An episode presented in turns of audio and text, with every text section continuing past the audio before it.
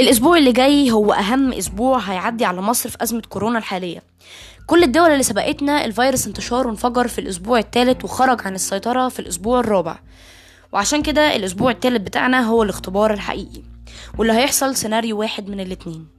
السيناريو الأولاني الناس هتستمر في الاستهانة بالموضوع وهيستمروا في إقناع نفسهم إن الموضوع بعيد عنهم وعند الناس التانيين وبس. وهيستمروا في الإهمال والتعامل مع الموضوع على إنه حرب أعصاب وإنهم أنصح من كل اللي حواليهم. والسيناريو ده هيكون معناه إن اللي هيتصاب هيعدي كل بيته وجيرانه. وحتى اللي واخد احتياطاته هتبقى معركته أصعب وحمايته أصعب كمان. ده نفس السيناريو اللي حصل في إيطاليا. آه، الناس خدت أجازات نزلت المولات عادي وعملوا تجمعات وما كانش في دماغهم.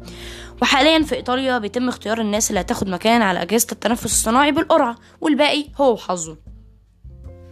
السيناريو التاني إن الناس تفهم خطورة الموقف واللي عارف يقول للي مش عارف واللي فاهم يقول للبسيط واللي عنده سلطة ينفذها ويجبر الناس اللي يقدر عليهم إنهم يلتزموا. السيناريو ده هو سيناريو الوعي. ده نفس السيناريو اللي بيتطبق في الصين. نفس السيناريو اللي خلى مقاطعة ووهان اللي كانت هي المنبع الأساسي إنها تحتفل من يومين إنها خالية من الفيروس. الموضوع حسبته بسيطة. الفيروس مدة احتضانه 14 يوم.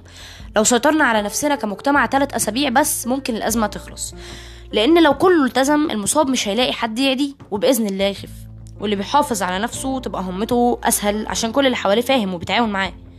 دورك دلوقتي إنك تختار السيناريو المناسب ليك. لو ليك أي سلطة أو صوتك مسموع وصل صوتك وعرف اللي حواليك إن المعركة عايزة كل شخص. لو أنت YouTuber أو ليك متابعين على ال social media إن شاء الله لو 200 واحد كلم اللي عندك وعرفهم إن مفيش حاجة اسمها ناس أه وناس لأ.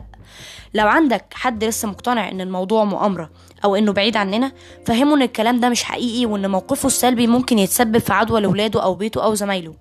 إحنا دلوقتي في نفس الاختبار اللي اتحطت فيه كل الدول اللي قبلنا ومع انه هو نفس الفيروس لكن كل دولة حصل فيها حدوتة مختلفة على حسب رد الفعل. وهل فهموا بعض ووقفوا بعض وقاوموا الجهل وقاوموا الإهمال؟ وإلا فضلوا فاكرين إن كل اللي حواليهم بيبالغوا. الحكومة عندنا الصراحة بتعمل اللي تقدر عليه لكن مش هيقدروا يتابعونا في بيوتنا لازم كل واحد يبقى مسؤول عن حواليه.